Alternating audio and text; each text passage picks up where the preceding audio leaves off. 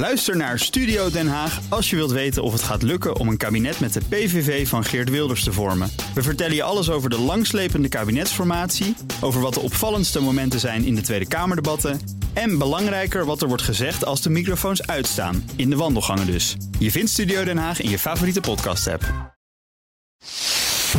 Welkom bij deel 2 van de CryptoCast 250. Het podcastgedeelte. In dat eerste deel hebben we het gehad over het laatste crypto-nieuws. En je vindt dat als de vorige aflevering 250a. Nu gaan we niet feest vieren uh, over dat jubileum, maar we gaan praten over de rol van Bitcoin en crypto bij ransomware en hacking met Ricky Gevers, oprichter van Responders. Welkom. Dankjewel. En co-host is Jacob Boersma, blockchain-expert, oprichter van WB Node. Hallo. Hi. Goed dat jullie er zijn. Voor we beginnen, eerst even dit. Ik zag pas een nieuw ding op Twitter. En dat was een creditcardachtig betaalmiddel met aan boord een wallet die je kunt vullen met een willekeurig bedrag aan bitcoin. Op diverse manieren beveiligd ook nog. En het idee was dat je de hele kaart aan iemand kan geven als betaling, als een soort zelfgedrukt bankbiljet. Met een waarde die jij bepaalt en die de ander ook nog eens kan verifiëren. Mooi nieuw idee. Behalve dat ik tien jaar geleden al een kaart kreeg met 1 euro aan bitcoin van de toenmalige directeur van Bitonic. De technologie was wat simpeler toegegeven, maar toch. Zelfgemaakte weggeefportemonnee gebruikte Bitonic tien jaar geleden al.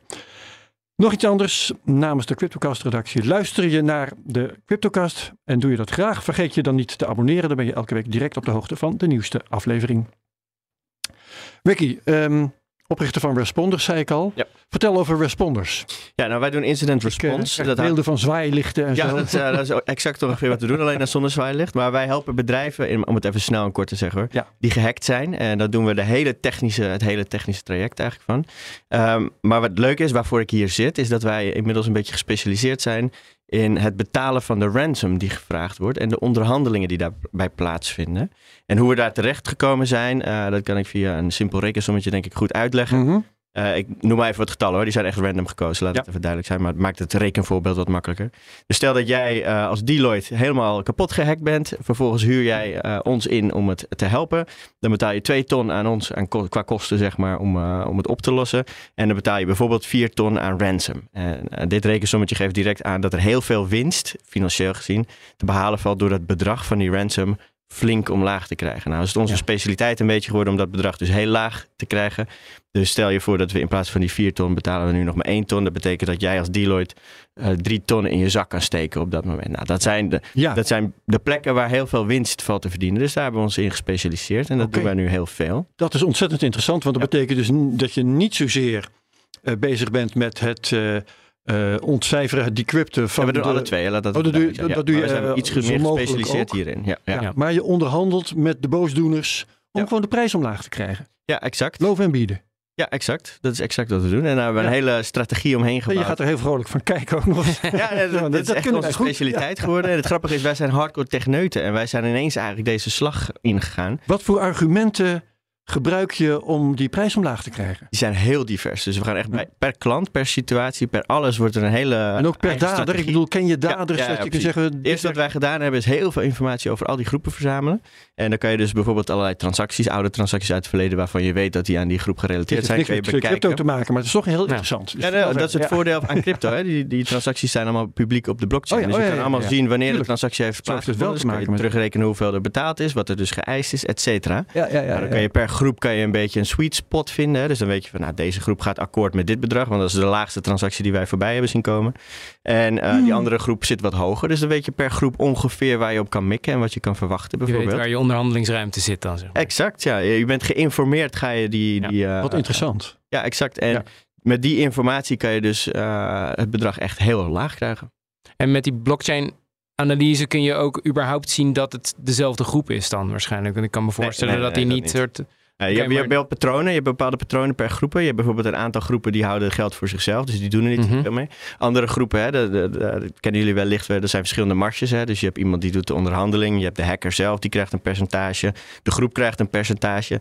Nou, bij sommige groepen zie je dan be- betaal je en direct na die betaling worden die percentages gaan allemaal een kant op. Dus dan weet je, nou, dit is ongeveer daarheen, ongeveer daarheen. Nou, dat is een patroon, dus dat Ja. patroon kan je op blockchain kan je dat weer herkennen. Ehm, maar dat, dat zijn, per groep verschilt dat heel erg. En ook eh, de groepen veranderen ook weer. Hè. Dus de ene groep gooit het weer in een mixer om zo Ja. snel mogelijk eh, eh, de sporen eigenlijk dood te krijgen. De andere groep doet dat helemaal niet. Die gaan gewoon Ja. lekker naar een exchange toe. Dat las ik ook van een van de laatste ransomware-affaires. Dat de betreffende groep ehm, eigenlijk helemaal dat geld niet aanraakte. Ja, dat Wat is, is, heeft het dan voor zin om het te vragen? Vraag ik me dan weer af. Ja, dat, maar dat is een hele leuke zaak. Dat is de Deadbolt zaak. Ja. En daar hebben wij een rolletje in gespeeld met de politie de afgelopen tijd. Daar hebben we... Gaan we het straks uitvoerig over hebben. Oké, Ja. slaan Nee, we, nu- maar- slaan we nu over. Nou nee, ik, ik wil wel graag even weten eh, wat, wat zo'n groep dan beweegt om wel geld te vragen, maar daar niks mee te doen. Kun je dat uitleggen? Ja, ik heb een theorie achter deze en ik heb een heel, eh, eh, vanuit de, de crime kant zeg maar, heb ik een heel profielschets achter deze dader ge- gezet. Mhm. En ik denk dus dat het iemand van plus 40 is, die eh, zijn leven eigenlijk goed op de rit heeft, die ergens een afslag deze route heen heeft gemaakt. Het is iemand die zeker ook autistisch is, maar vooral iemand die het geld op dit moment niet nodig heeft. En daarom staat het daar maar in die wallets van deze persoon heeft het eigenlijk toch niet echt nodig. En normaliter, als je bij een normale ransomware groep kijkt, dan zijn er meerdere actoren eigenlijk in, meerdere personen zijn daarmee bezig. En die willen gewoon hun geld aan het eind van de maand. Dat betekent dat je die bitcoins moet gaan uitcashen. En dat gebeurt hier niet. En die Al hebben langer langer dan een jaar- kosten die betaald moeten Ja, worden. wat het ook mogen zijn. Hè. Het zijn mensen die bijvoorbeeld, het zijn voornamelijk Russen, laat dat even duidelijk zijn. Maar die hebben dat geld gewoon nodig in levensonderhoud. Dus die moeten ergens Ja. dat gaan cashen om, eh, om, om brood te kopen, om het simpel Hm. te zeggen. Hoe weet je dat het voornamelijk Russen zijn? Nou, dat weet je nooit 100% zeker. Maar we weten van heel veel groepen weten we namen en rugnummers. En eh, het grootste gedeelte komt daar Gewoon gewoon. Ja, ja. Die zijn bekend, maar die worden niet uitgeleverd. Hè? Dat eh, is het hele punt. Ja. Dus wij weten van een aantal jongens in Moskou, weten we de, de license plates van hun auto's, weten we. Dus daar kunnen we, kunnen we nu naartoe gaan om te kijken waar zitten. Och, die wagen. Ja, maar als je daar Ja. verschijnt, dan komen er FSB-jongetjes die komen dan eh, jou tegenhouden. Omdat die bepaalde bescherming op de een of andere manier gewoon genieten. Ja.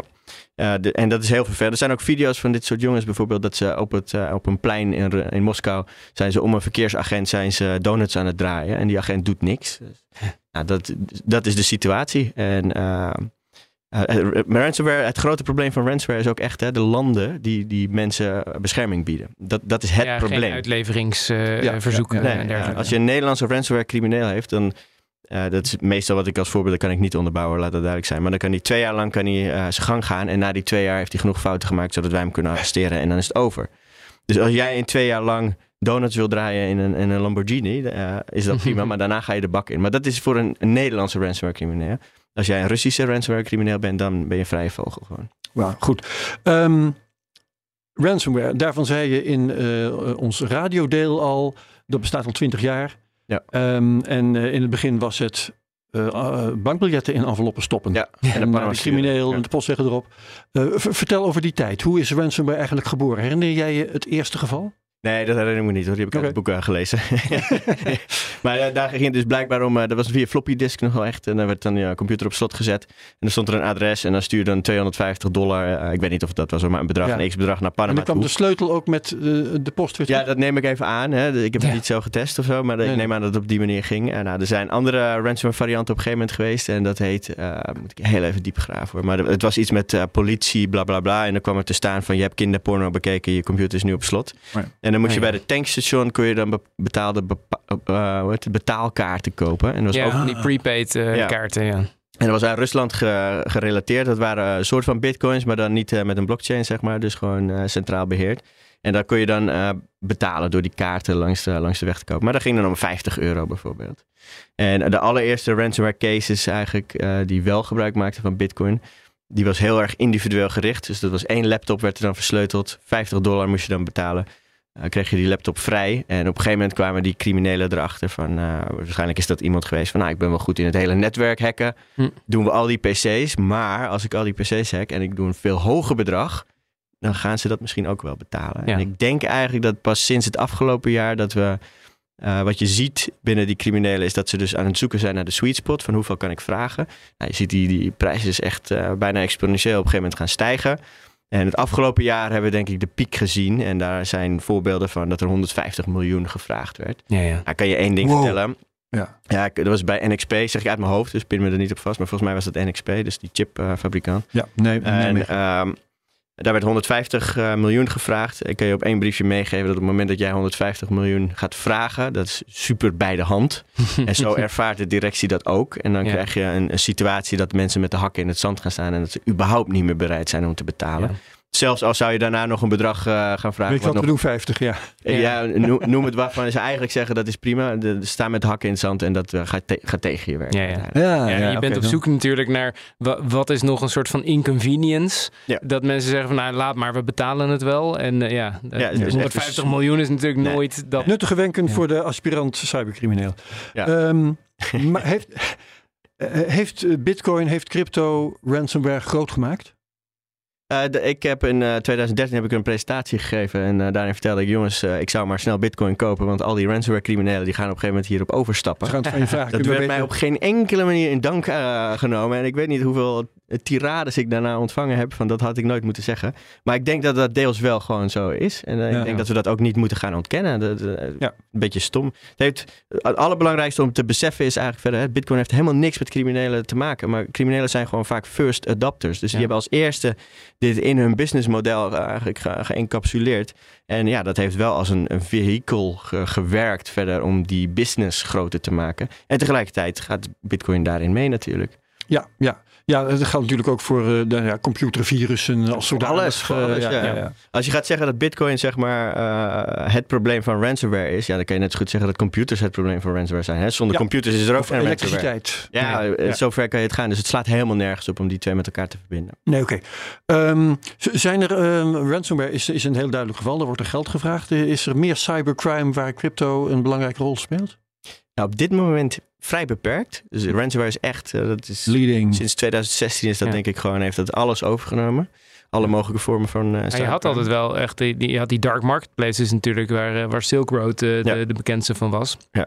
Dat die, is, heb je nog, eh, die heb je nog ja, steeds. die heb je natuurlijk nog Ja, steeds. ja. Maar dat, dat was eh, toen in de begintijd van, eh, van Bitcoin wel een van de, dat was wel een van de drivers begonnen, toen van, eh, zijn, ja. van, eh, van de populariteit van Bitcoin Ja, ook. ik denk dat het daarmee begonnen is. En ransomware heeft dat ergens in vooral volumes, denk ik. Ja. eh, Ja, van, van ehm, eh, die dark markets, eh, Silk Road met name, wordt wel gezegd d- dat heeft, dat, dat heeft crypto een echte zet in de rug gegeven. Het Ja. gebruik van bitcoin als betaalmiddel. Ja, dat, Dat was, was- super snel aanwezig. Ja. Dat was toen een van de eerste use cases. Ja. Want Ja. waarom zou je Ja. Bitcoin hebben? Nou, omdat je er dingen mee kunt kopen die je met gewoon geld niet kunt kopen. Ja. Ruilmiddel, gewoon zo dat, zo dat is. Ja. Zeker. Ehm, ransomware hackers, schrijven die hun software zelf? Of Ja. kopen ze... Ja, toch? Ja? Ja. Nou, je hebt groepen, eh, dus dan moet je, eh, de verschillende ransomware groepen die spe- specialiseren zich in het schrijven van die software. Mhm. En die software huren ze of, of verkopen ze dan weer aan hackers.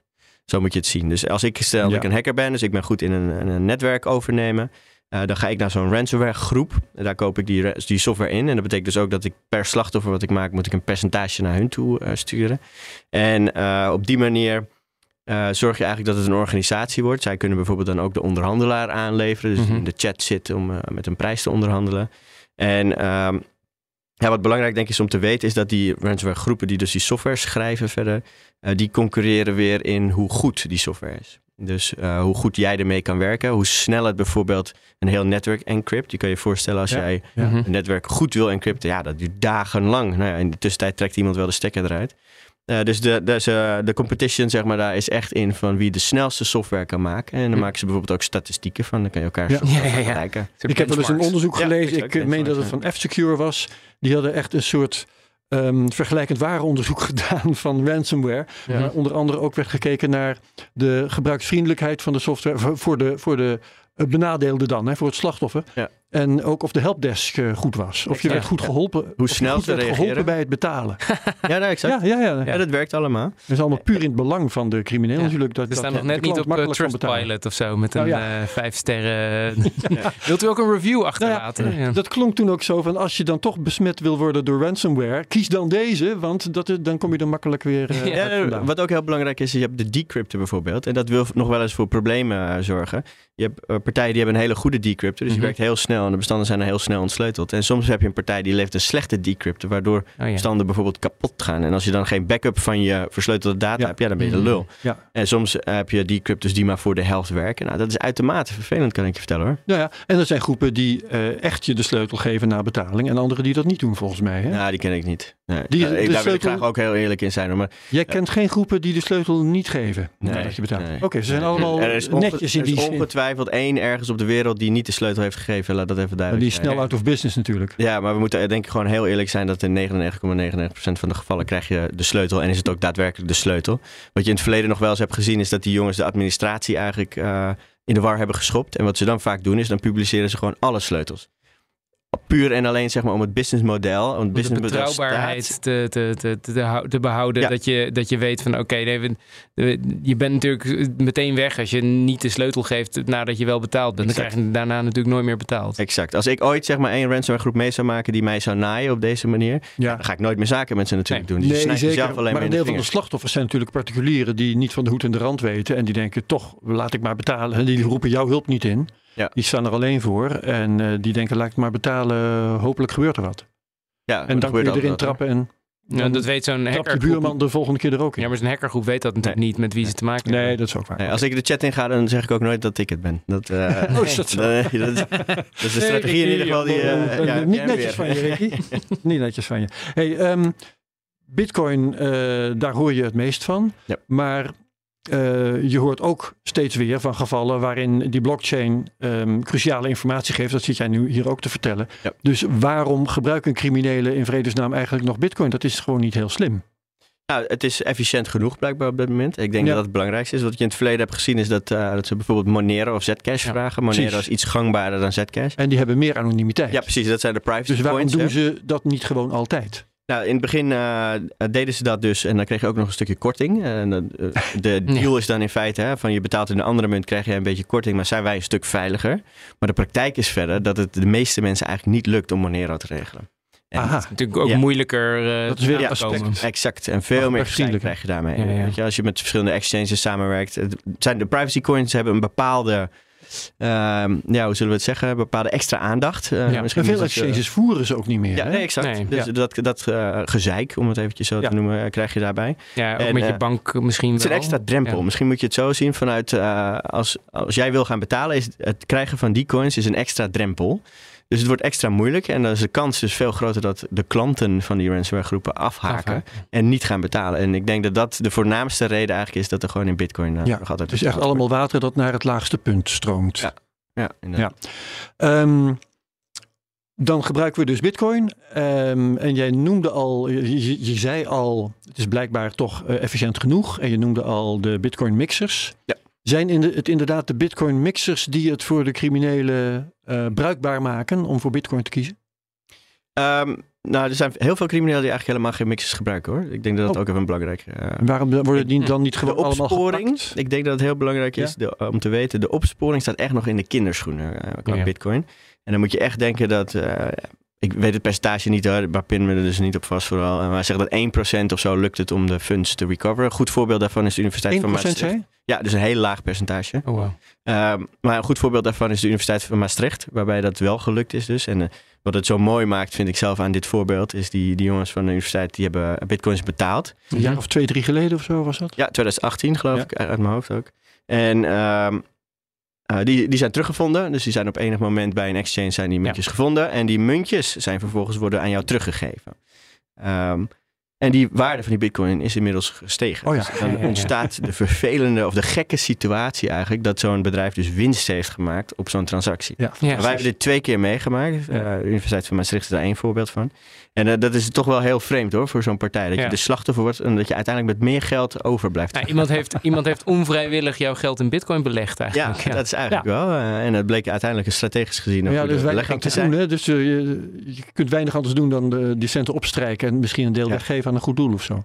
Ja, nee, eh, Ja. Dat is geloof ik wat ze, eh, de Universiteit van Maastricht heeft er in ieder geval iets mee gedaan. Die heeft Ja. het nou een goed doel. eh, Maar dit was in dit geval een exchange dat dus, die, die dus niet in Rusland of iets Ja, dergelijks Russische was. exchange was Oh, toch wel? En, ja. En dat Maar die werken dus wel mee dan? Nee, die werken niet mee, maar die worden op enig moment eigenlijk opgerold en die funds worden op de een of andere manier in beslag genomen. En dan wordt vervolgens gekeken van waar komt het vandaan en dan wordt het eigenlijk verdeeld een beetje. Ehm, nou, dat zie je vaker. De grotere exchanges werken allemaal wel mee. Hè? Dus de Coinbase, de Krakers en zo, die werken echt wel mee. Maar er wordt gewoon nog veel te weinig, denk ik, gerapporteerd hierover.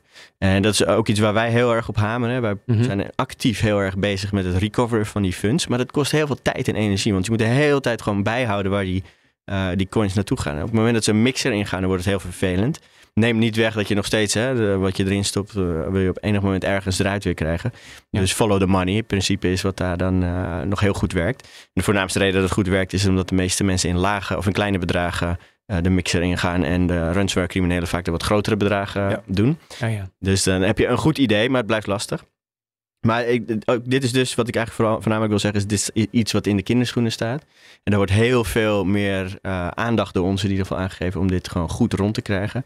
Maar het is allemaal nieuw, hè? Dus dat, is- het is een samenwerking met Zelfs politie, chain analysis. Oh ja. Ja, het begint echt nog maar net hoor, dit, dit recover van funds. En dan moet je de Ja, afgelopen twee Ja. jaar bedoel ik dan eventjes. En eh, nou, wat ik zeg, de grotere exchanges werken mee. Eh, tegelijkertijd weten we ook dat eh, bijvoorbeeld landen als Iran, dus de Iraanse hackers, die gebruiken ook gewoon Coinbase allemaal. En die worden, Ja. wat je daar kan concluderen is dat de pakkans nog steeds gewoon heel laag daarin is. Ja, Ja, ja. de pakkans is laag, ehm, maar eh, geef mij eens een duidelijke uitspraak. Je bent, eh, je bent cybercrimineel, ehm, je vraagt eh, losgeld in bitcoin. Eh, kun je nou zeggen, als je maar voldoende slim bent, dan eh, kun je die centen wel opstrijken? Of, ehm, hè, dus eh, als je, alleen als je een fout maakt, loop je tegen Nee. de lamp? Ik denk eigenlijk dat wat, wat die jongens doen is gewoon een wet van de grote getallen. Dus zoveel mogelijk Ja. transacties doen Mhm. en dan gaan er altijd wel een paar goed. Ja. En de, degene die misgaan accepteren ze eigenlijk. Ik denk dat dat het vooral is. En dat uitcashen gaat dan ook met katvangers. Die dan Ja, misschien... dat verschilt heel erg per Maar het risico En- is dan dus dat je een deel van het geld kwijtraakt. En het risico is eigenlijk niet eens dat je gepakt wordt. Nee, want je zit in Rusland en je bent... Exact. Ja, Ja, ja, Rusland ja, ja. geeft je de vrijbrief voor alles verder. Dat, dat is echt het probleem binnen ransomware. Helder.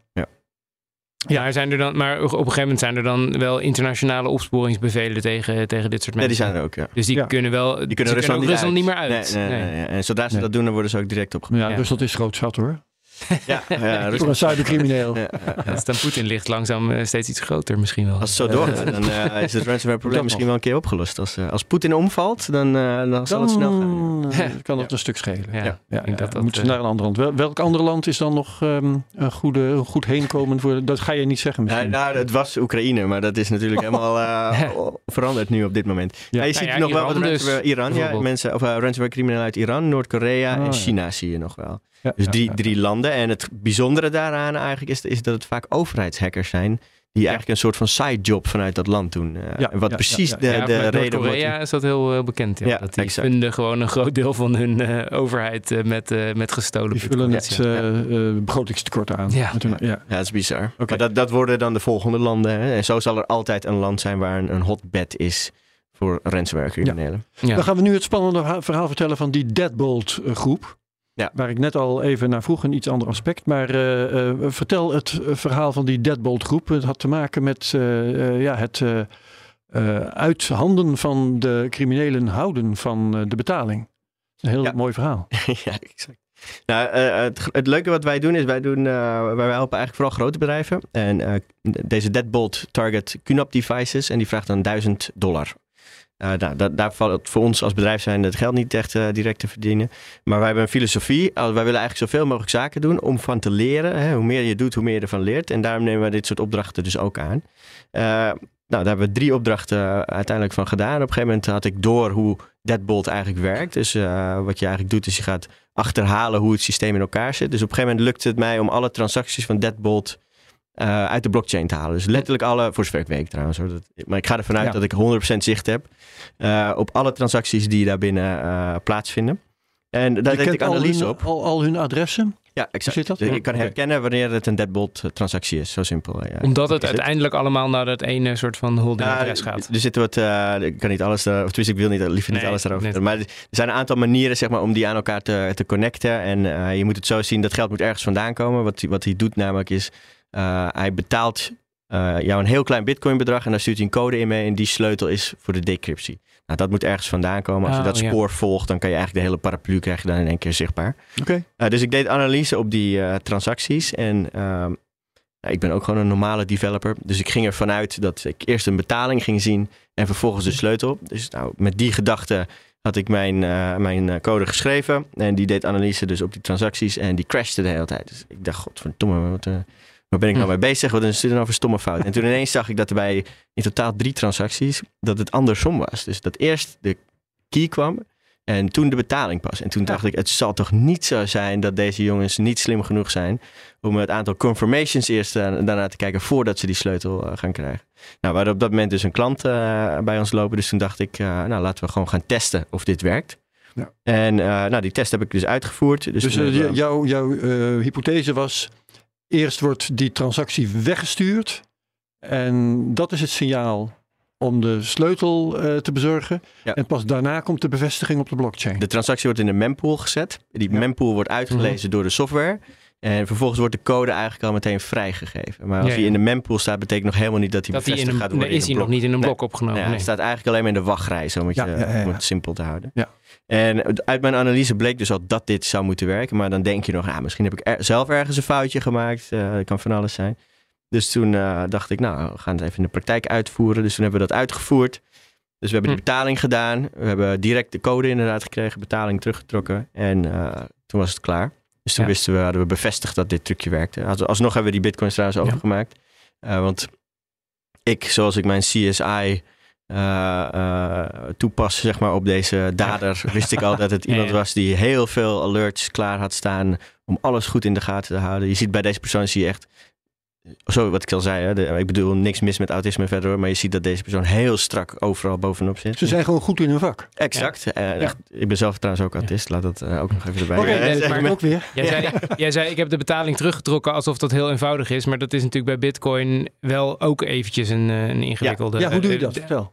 Ja, er zijn verschillende manieren. Je hebt software waarmee je het kan doen. En je hebt bijvoorbeeld Electrum Wallet. Daarin kan je dat ook doen. En is vast ook een aantal andere wa- wallets eh, die, die dat hebben. Maar wat je in principe doet is, je, je zet dus eerst een betaling in de blockchain. eh, dus de, de echte betaling. Die is Niet de helemaal... blockchain, in de mempool. Of, eh, sorry, in de mempool. Goed Ja. dat je me corrigeert. Ja. En in de mempool zet je hem.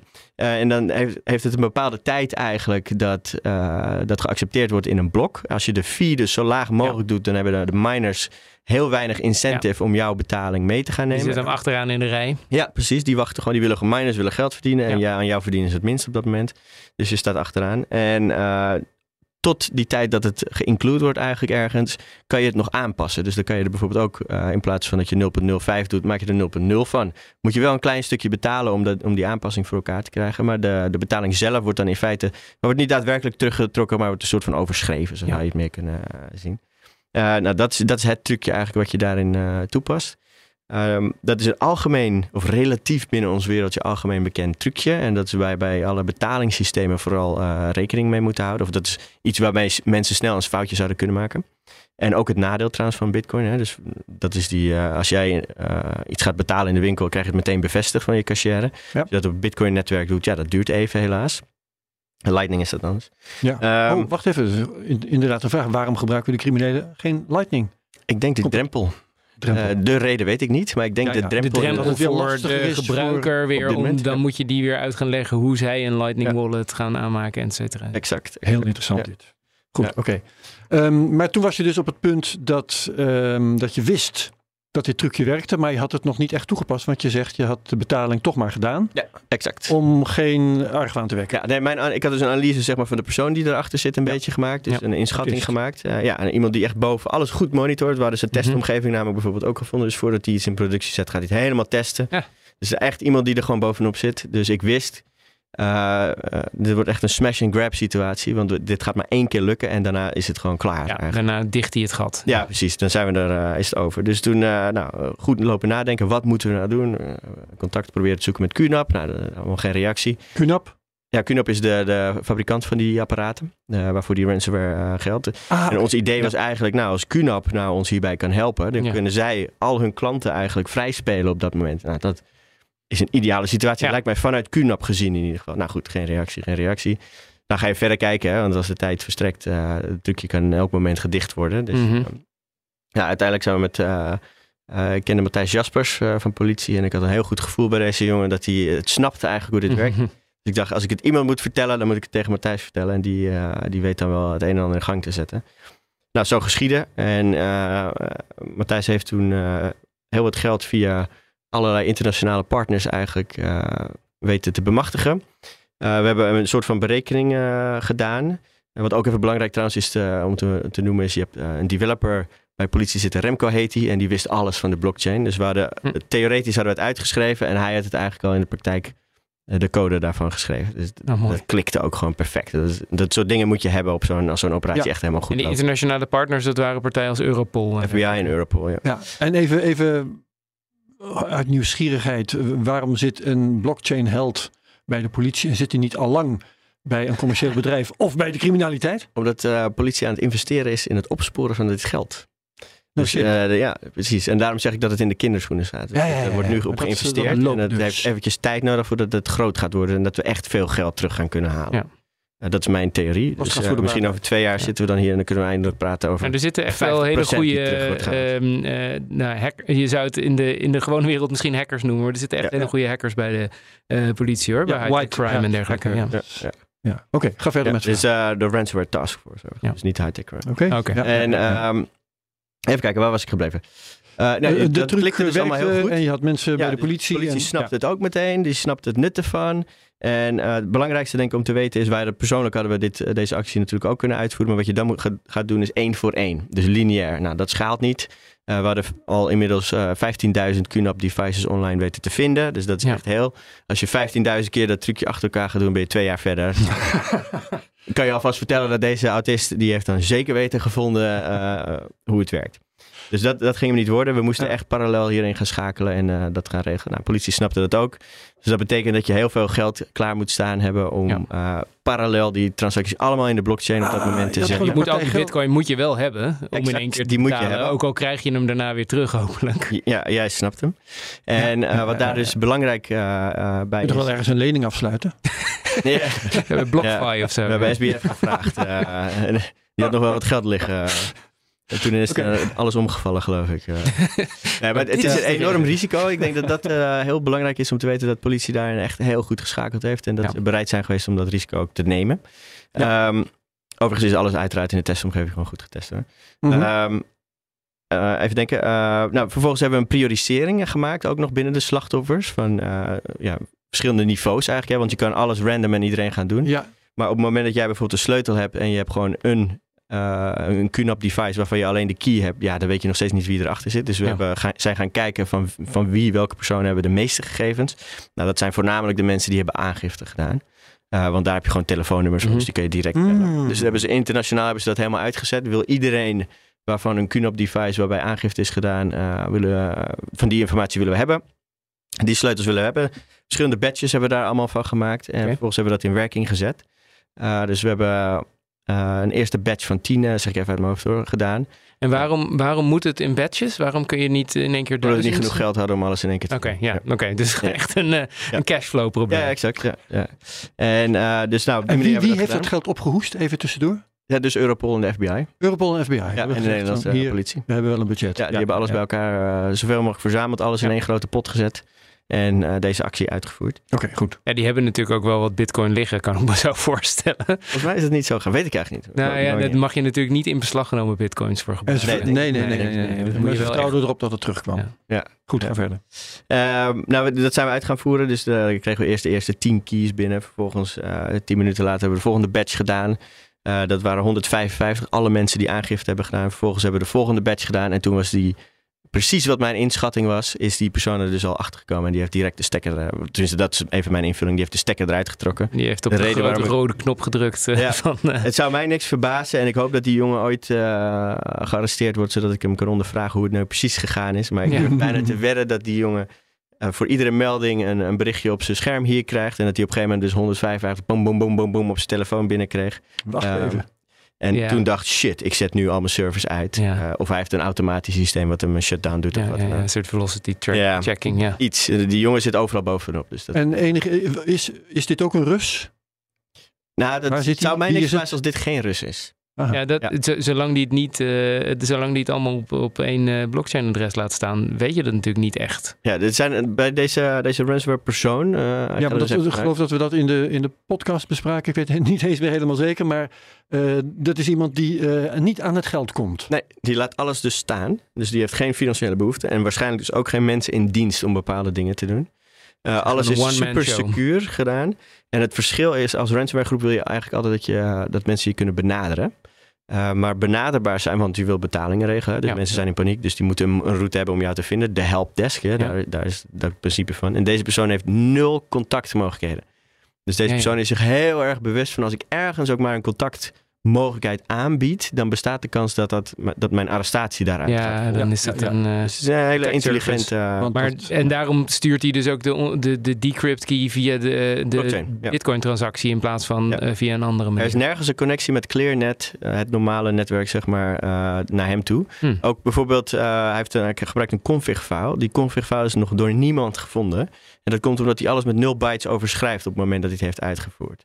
En dat is Ja, ook een wist ook echt interessant. sporen. Ja, precies. En hij weet ook dat het zo werkt. Dus Ja. dat, dat- daarom denk ik dat het iemand met heel veel ervaring is. Ja, ja, ja. En wat ook heel belangrijk eh, hierin is, is als jij bijvoorbeeld meerdere mensen dit laat uitvoeren, Ja. dan is er altijd eentje die een fout maakt. En er is dus nog nooit ergens een foutje gevonden waarbij Ja, ja, het is uitgevoerd. En dat vertelt mij weer dat hij het zelf is die Hm. dit uitvoert.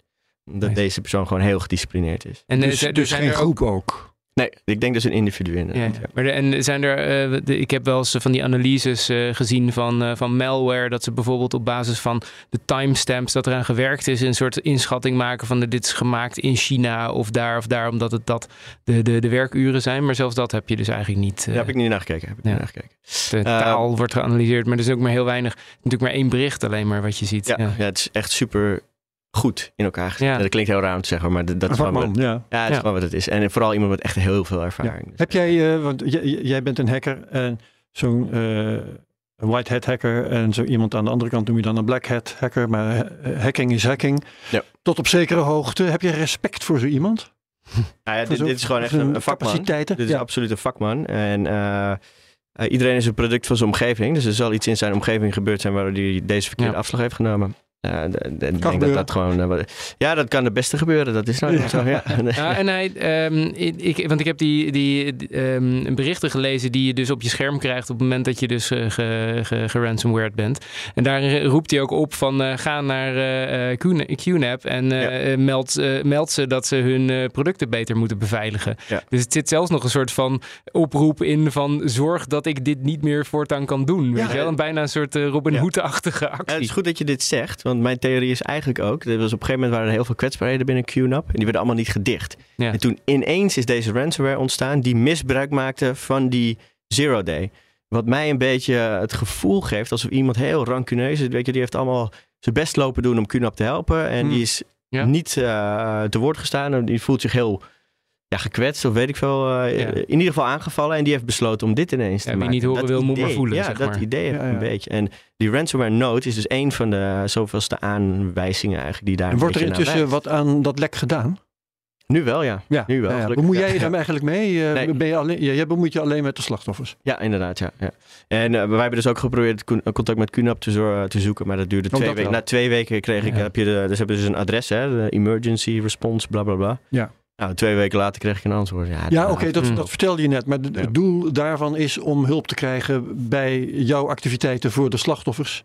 ja dat, nou, en niet zozeer om hun te bewegen dat lek te dichten. Nou, dat, dat adres is ervoor bedoeld. Stel dat jij een zero day vindt, dan kun je dat daar direct melden. En dan wordt het meteen geëscaleerd en dan gaan ze er meteen wat aan doen. Echt een Zou, emergency. zou moeten gebeuren. Ja, precies. En als je na twee weken daarop op zo'n adres reageert, dan betekent dat er vrij weinig prioriteit in Nee, ieder geval aan wordt gegeven. Ja, ja, ja, ja, ja. En ik ga niet. eh, kijk, ik had het liefst zo'n opdracht met hun samen gedaan. Weet je? Dan hadden zij dat Ja. geld bijvoorbeeld geregeld. En hadden we zoveel mogelijk QNAP mensen daarmee kunnen helpen. Ja. En eh, ja, ik denk dat als QNAP zijnde dat dat ook eh, goed zou staan. Weet je? Dat ze actief er iets aan doen. Nou, het zou goede, zou goede klantsupport zijn. Ja. Ja, dat lijkt me wel. De, Ja, in, nou. jij vertelde al iets over de, de mensen die bij de politie zitten hè, en Ja. de, eh, het beleid dat daar gevoerd wordt. Ehm, wat voor software gebruiken ze nou bijvoorbeeld bij politie- en opsporingsdiensten in dit Dat verband? Dat weet ik niet exact, eh, maar ik denk dat je moet denken aan chain analysis software. Dat is toch wel de partij Natuurlijk. op dit moment Hm. die de meeste software daarin eh, levert, ja. Ja. En de meeste contacten heeft ook. En ja, die ook het beste assortiment heeft misschien. eh, Exact. Ja, ja. Oké. Ehm, nog bemoeienis van de beurzen, de exchanges? Nee, dat, eh, in Amerika speelt dat heel erg. Daar willen ze het wellicht gaan verbieden. En ze willen op een gegeven moment ook Wat precies gaan verbieden? ransomware betalingen. Eh, of daar wordt ook, Overigens wordt er in veel landen daarover gediscussieerd hoor. Dat je dat is heel interessant, want wil als in. Amerika een van de overheidsdienst te maken krijgt met ransomware als slachtoffer, dan betalen ze opeens wel. Ja, ja Politie, in Nederland betalen gemeente, overheidsdiensten scholen. niet. Ik vind het altijd wel leuk om even te benoemen. Ja. Denk ik. Nederland heeft hier eh, de het standpunt dat als een overheid geraakt wordt, Mhm. dat we niet gaan betalen. Eh, nou, eh, En wordt dat gestand gedaan? Want, ja, dat wordt, eh, daar worden heel veel, eh, heel veel data en eh, geld wordt daarvoor opgeofferd om dat standpunt, dat principiële standpunt eh, omhoog te houden. Ik denk Hm. dat als je er gewoon een rekensommetje van maakt, en daar hou ik zelf van hoor. Dus gewoon kostenbaatanalyse, zeg maar. ja, Eh, dan kan je veel goedkoper eruit zijn en heb je veel minder slachtoffers. Ik denk ook dat er heel vaak geen rekening wordt gehouden met kwetsbare mensen. Hè? Dus stel dat er bij een gemeente van allerlei data op straat komt te liggen, dan heb je ja. kwetsbare mensen die daar enorm voor gevoelig zijn, waarbij dat Ja. een enorme impact Het argument is, je werkt Ja. mee aan een crimineel verdienmodel. Wat Ja. is jouw antwoord daarop? Ja, dat, eh, dat klopt. Je werkt zeker Ja. mee aan een eh, verdienmodel eh, van een crimineel. Maar als wij denken dat we Niks criminaliteit gaan oplossen, dan, eh, dan Ja. dat Maar- is natuurlijk heel om te denken. Wat jij net zegt, van dat er komt de data op straat te liggen, maar dat is een soort van tweede stap. Dus, als Ja, er, een, ja. eh, dus er zijn ransomware criminelen die als je ze niet betaalt zeggen van nou oké, maar dan gaan we ook je data gewoon dat verkopen. Ja, gebeurt regelmatig. En eh, je kan het een beetje vergelijken. Hè. Het is, dat is hun PR, noemen ze dat dan ook eh, Mhm. daadwerkelijk. Hè? Dus daarmee laten ze zien hoe meedogenloos ze zijn. Dus Ja. dat zorgt voor angst eigenlijk bij de eindgebruiker. Van Ja, als jij echt, niet echt in de zin van public relations. Ja, exact. Ja. Eh, en er zijn een aantal portals die eh, bevinden zich op dark web. Daar kan je gewoon kijken en dan zie je dus iedere nieuwe slachtoffer zie je daar voorbij komen. En dan moet je denken aan, nou, dat verschilt per groep, maar zeg vijf per dag of zo dat daar Ja, ja. voorbij komen. En als jij dus niet betaalt, dan komt jouw data daarop te staan. Ja, ja, ja. Dus En dat als is wel wel de andere kant van de, van de medaille van dat ze zo vriendelijk zijn als je wel Ja. betaalt. Als je niet betaalt, dan, eh, dan gaat het eh, wel echt eh, escaleren. Ja, exact. exact. Hm. En dat is dus eh, waar je rekening mee moet houden. En het is een beetje, je kan het vergelijken met wat ISIS bijvoorbeeld deed, hè? die executievideo's. Ja. En waarom ik dit overigens zeg, is op een gegeven moment heeft eh, Amerika en eh, de UK hebben besloten dat ze niet meer gaan, gingen betalen voor gijzelaars. We don't negotiate with terrorists. Ja, precies. hè, Want het Ja, idee was ja. dan, dan gaat het businessmodel kapot. En dan als jij als terrorist zijn een Amerikaan eh, gijzelt, dan laat je hem meteen weer vrij, want er valt niks aan te verdienen. Nou, het, de andere kant van de medaille is juist vooral dat er video's met Amerikanen en Engelsen worden gemaakt. En dat alle Europese eh, onder de, de motorkap eigenlijk vrijgekocht zijn en uiteindelijk weer hier teruggekomen zijn. Dus, in- dus, dus het klopte dat ze er niks meer aan verdienden, maar in plaats van ze vrij te laten, eh, werden ze gewoon geëxecuteerd. Dan. Ja, en mensen vergeten een beetje dat die, zo'n executievideo is heel veel geld waard juist voor zo'n groep. Want dat is je public relation. Ja, Zo ja, bouw je Ja, ja, ja. jouw imago op. En dat is precies wat deze ransomware groepen ook doen. Dus als jij als gemeente besluit om niet te betalen, dan betekent dat dat je zo'n ransomware groep alleen maar aan het promoten bent. Dat zie je Ja. op dit moment, zie je dat bij de eh, stad Antwerpen. Die is dan op dit moment slachtoffer daarvan. Die gaan waarschijnlijk ook niet betalen. Overal staat in het nieuws van deze groep heeft dit gedaan. En eh, ja, dat zorgt voor, angst en problemen bij alles en iedereen.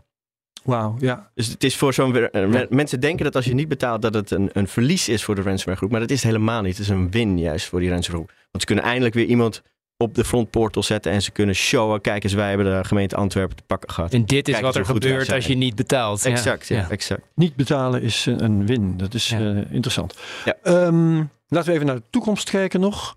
Ehm, innovatie. Wat eh, gaan we vooral nog van ransomware horen? Komt er, eh, komen er met vette aanhalingstekens verbeteringen? Komt er nog iets nieuws aan? Ja, ik denk dat het belangrijkste is, ransomware is relatief gezien nog steeds nieuw. Hè? Net als bitcoin, eh, Mhm. hartstikke nieuw is nog. Ehm, dus wat je vooral ziet is dat bedrijven zich op dit moment steeds beter weten te wapenen. Vroeger zagen wij eigenlijk bedrijven die helemaal met hun rug tegen de muur stonden. Dat alle data versleuteld was, Ja. alle backups. Wapen in Tegenwoordig, de zin van preventie. ja, preventie Backups inderdaad. hebben we bijvoorbeeld. Ja, er is een eh, groot ja. verschil overigens tussen eh, ransomware tegengaan en slachtoffer zijn van ransomware. Als je nog niet slachtoffer bent van eh ran- dat is de situatie waarin iedereen moet werken uiteraard. En je moet altijd ervoor zorgen dat je geen slachtoffer wordt van ransomware. Ja. Maar als je slachtoffer bent, dan moet je zorgen dat de impact eigenlijk zo min mogelijk is. Ja. Dus het zijn twee verschillende gedachtegangen die Ja. mensen vaak moeilijk vinden om, Ja. eh, om goed over na te En, Onderscheiden. en het belangrijkste is dan goede backups hebben, maar Ja. ook backups hebben op een plek waar die ransomware niet bij kan. Ja, exact. Offline. De ransomware de groepen, wat, het eerste wat ze doen is kijken waar die backups staan en die versleutelen. Ja. Dat je alsnog niet bij je backups kan. En wat we in de praktijk ook nog wel eens zien, is dat de backups bijvoorbeeld op tape staan. Dus dan duurt het gewoon vijf dagen voordat je die backups terug hebt. Dan is betalen dus soms nog steeds sneller Ja, om je ja, ja. data Dan, is het, terug te dan, dan wordt het echt een, inderdaad een kostenbaat. Ja, het, het zijn hele kleine denkfouten. En je hebt bijvoorbeeld ook soms bedrijven die, hebben dan, eh, die missen dan vier uur. Maar als jij een financiële dienstverlener bent en je mist vier uur aan transacties, nou, dat kan, Kan ook wel eens miljoenen waard zijn, om maar even Ja. wat te noemen. Het zijn Ja. hele kleine gedachtegangen waar vaak niet helemaal goed eh, over nagedacht wordt. Maar op dit moment zie je heel duidelijk dat partijen echt veel volwassener worden. En dat gaat echt Ja. wel echt vrij rap hoor. Dus uh, mijn verwachting is dat ransomware altijd blijven bestaan. Want er zijn altijd mensen kwetsbaar in onze samenleving. En er is ook altijd een land wat bescherming zal bieden tegen uh, dit soort vijanden. Dus we moeten vooral leren leven met ransomware. Ja. En ook vanuit dat perspectief vind ik dus dat je vooral een kosten-batenanalyse moet gaan maken. Uh, ja, van hoe zorgen we ervoor dat de impact zo min mogelijk is. Ja, en, en ook zo min mogelijk dus, die kant en op daar gaat. zou het dan, dan dus wel kunnen verschuiven van bijvoorbeeld het targeten van, van bedrijven en overheden. Die dan op een gegeven moment geprofessionaliseerd raken en zich daartegen beschermen. En dan zou je dus weer kunnen shiften naar MKB en uh, misschien wel particulieren. Want ja, uh, ja de, ik, ik heb, het is een illusie om te denken dat alle particulieren hun backups goed op orde gaan krijgen ja, in exact. our lifetime, denk ja, ik. Uh, maar het grote geld ligt natuurlijk bij, dat is, uh, natuurlijk op dit moment, ja. bij uh, grote bedrijven, overheden. en overheden, ja, zeker. Ja. Um, maar wat ik eigenlijk bedoelde, innovaties. Um, een beetje een raar woord om te gebruiken in dit verband. In besmettingswijzen of, uh, of in de werking van, uh, van nee, ransomware. Ik denk niet dat dat heel veel Niet eens nodig misschien. Hè? Nee, de afgelopen twintig jaar is uh, hoe jij een, een Windows systeem eigenlijk overneemt, is eigenlijk altijd wel een beetje ja, hetzelfde. En toch gebleven. nieuwe mensen mm. die nog onvoldoende ervaring hebben, bijvoorbeeld. Ja, dat soort dingen. Hè? Wat die ransomware groepen doen, die, die schieten gewoon met hagel. Dus die proberen alle mogelijke trucjes. En vorige week is dat een een kwetsbaarheid in uh, OpenVPN, ik noem maar even wat hoor. En uh, twee weken later is het in SMB en Windows, om maar even wat te noemen. Ja. Dus iedere keer komt er wat anders uit en daar zullen ze gewoon opportunistisch misbruik van maken. En zo is er altijd ja. wel wat. Ja, ja, ja. Nou uh, zit er nog steeds allerlei regelgeving aan te komen. Onder andere um, gevleugeld wordt al bijna hier de travel rule. Hè, dat er allerlei informatie over... Mm-hmm um, degene die de transacties hebben gedaan mee moet gaan reizen met, met betalingen. Is dat iets wat deze vorm van criminaliteit nog kan helpen tegengaan? Nee, dat denk ik niet. Nee. Nee? nee. nee. Kijk, voor die jongens die hacken alles wat los en vast zit. Dus die hebben altijd wel weer ergens een accountje wat gehackt is, waar ze misbruik van kunnen maken, bijvoorbeeld. Of, of een katvanger, ik noem maar even wat. Je zegt eigenlijk juist de bad guys gaan hier het minste last van krijgen. Nou ja, die, die gingen zich toch al niet aan de regels houden. Ja, nee. precies. Ja, dat, ja. dat is die zitten ding. waarschijnlijk ook al in landen die zich niet zo strak aan die regels van die travel rule zullen gaan houden. Nou, dus je krijgt hooguit dat het inderdaad makkelijker traceerbaar is wie de uh, betalers zijn. Uh, want ik, wat de ik katvangers jou... krijg je. Dat krijg je. Nee, maar ik bedoel meer ook de slachtoffers. Ja, ja. Want uh, uh, oh, wat ja. ik uit jouw verhaal begreep is dat het, het, lang niet iedereen doet aangifte. Dus je weet ook nee, soms helemaal niet wie de, wie de, ehm, de slachtoffers zijn. Maar als je natuurlijk die cryptotransacties beter kunt volgen, dan kun je misschien makkelijker in ieder geval contact leggen met een slachtoffer om te zorgen dat hij niet weer slachtoffer wordt. Of zo. Ja. ja, dat is ook overigens ook een grote misvatting. Veel mensen denken dat een ransomware groep wel eens terugkomt bij een andere partij. En dat noemen ze dan zoals dat in de media staat, de idiot tax. Van uh, ja, die, die persoon of dat bedrijf is heel stom en nalatig. Dus die pakken we nog een keer, maar dat ja. zie je in de praktijk helemaal niet. Dus ik ben er nog nooit tegengekomen. En uh, ja, het klinkt al wel, het zijn hele mooie verhalen, spookverhalen en doemverhalen vooral. Mm. Maar in de praktijk uh, vind je dat niet. Um, ja, nou ja, maar bedrijven gaan, neem ik aan, ook als ze slachtoffer zijn. Dat zal de, de belangrijkste driver zijn om wel je backups en dergelijke goed ja, op orde te krijgen. Dat is precies wat je dus ziet. Hè? Dus als een bedrijf eenmaal slachtoffer is, dan snappen ze het nut ervan. En ja. dan zorgen ze er ook echt wel voor dat alles gewoon goed op orde is. Dus je ziet zelden dat een bedrijf eigenlijk uh, twee keer slachtoffer wordt. Ja. Uh, ongetwijfeld is er ergens in de wereld één voorbeeld van. Uh, maar het belangrijkste is dat het is gewoon echt volwassen worden van de markt. En daar heb je af en toe gewoon een paar harde klappen voor nodig om te beseffen wat je moet aanpassen. Maar langzaamaan gaat dat en is gewoon, het, is het dan ook iets wat, wat ethical hackers meer in hun arsenaal gaan meenemen van dingen waar ze op gaan, gaan testen? Bij ja, je ziet dat ze dat vaker meenemen. Ik denk dat misschien nog net iets te weinig wordt meegenomen. Hm. Tegelijkertijd is dat ook gewoon geen vrijbrief. Hè? Het is alleen maar preventie en de preventiekant ja. verder. Uh, wij zien ook nog vaak genoeg uh, slachtoffers die dus wel een pentest hebben uitgevoerd verder en alsnog okay. kwetsbaar. Alsnog, uh, alsnog gepakt zijn. Ja, ja. ja dus e het zijn echt twee, twee verschillende disciplines. Echt belangrijk om te beseffen. Zoveel mogelijk aan preventie doen. En tegelijkertijd, als het dan fout gaat, beseffen dat je zo min mogelijk impact. Mitigatie van ja, de, Mensen willen altijd een silver bullet, dat je ja. 0% kans op getroffen hebt. En dus laten ze ja. de rest los. Maar dat, zo moet je vooral niet denken. Nee, het is een heel beleid. Iedereen wordt een keer gehackt. Dat is gewoon zo. Ik ook. Dat, zo is het. Defense in depth. Ja. Okay. Jacob, jij nog belangrijke vragen aan Ricky? Nee, ik vind het een fascinerend onderwerp. Ja. Zeker weten. Ricky, jij nog iets te melden wat we vergeten hebben te vragen? Een heleboel eigenlijk nog maar. ja. Nou, roep eens wat en daarna stoppen we ermee. Nee, nee, nee ik denk dat wel even voldoende. Oh ja, nee, we zouden okay. het nog hebben over hoeveel procent van de, de, de, de, de bitcoin nou gebruikt wordt door criminelen. Oh ja, nee, dat ja, klopt. Ja, ja, Een belangrijk gedeelte inderdaad. Uh, heel weinig mensen doen op dit moment aangifte. Dus ik denk dat er aan de politiekant wat te tweaken valt, zodat het gunstiger wordt voor mensen om bijvoorbeeld aangifte mm -hmm. Eh, te doen. En wat heel erg belangrijk denk ik is om te weten op het moment dat je gaat verbieden, dus bitcoin transacties gaat verbieden. En dat hebben wij in de praktijk al een paar keer Als meegemaakt. betaling voor ransomware bedoel Ja, je? dus als jij, Ja. eh, stel eh, Nederland zegt nu, jij mag niet meer eh, betalen. Ja. Wat mensen vaak vergeten is dat een bedrijf is echt als iemands kindje. Zo, voel, zo ervaren mensen dat Ja. gewoon. En of het nou verboden is of niet, die mensen gaan hun bedrijf gewoon redden. Dus dat gaan ze dan alleen maar onder de radar van de politie doen. En dan eh, het enige wat je dan krijgt is dat je er geen zicht meer hebt op de transacties. En die transacties gaan nog steeds worden uitgevoerd. Dus wij hebben bijvoorbeeld al verzoeken gehad van een aantal landen waarover dan gesproken wordt. Van kan er niet via een stichting, en weet ik veel wat daar, dat we alsnog die betaling gewoon kunnen fixen, maar dan via een omwegje. Dus verbieden is echt het stomste wat je kan doen. Oké, helder. Dankjewel voor dit prachtige verhaal Dank je. over ransomware en eh, crypto. Eh, Ricky Gevers eh, van de Responders en eh, Jacob Boersma van WB Note. Ook hartelijk bedankt voor je functie van co-host Graag vandaag. gedaan. Eh, tot zover deze CryptoCast. Volgende week dan spreken we met Ruben Waterman. Wie is dat? Het is iemand die met zijn bedrijf Bitter naar Zwitserland is verhuisd. In verband met het toezicht van DNB, want daar was hij te klein voor. Co-host is dan Daniel Mol. Die zit hier toevallig ook, dat is mooi. Ehm, vergeet deze CryptoCast niet te delen met je volgers op Twitter. Gebruik dan de mention at CryptoCastNL. Reviews moet je achterlaten op Apple Podcasts. Zijn we beter te vinden daar. Like, subscribe en comment op YouTube. Wat de redactie van CryptoCast betreft, heel hartelijk dank voor het luisteren en jullie aanwezigen hier voor het meedoen. En graag tot volgende week bij de volgende CryptoCast. Dag!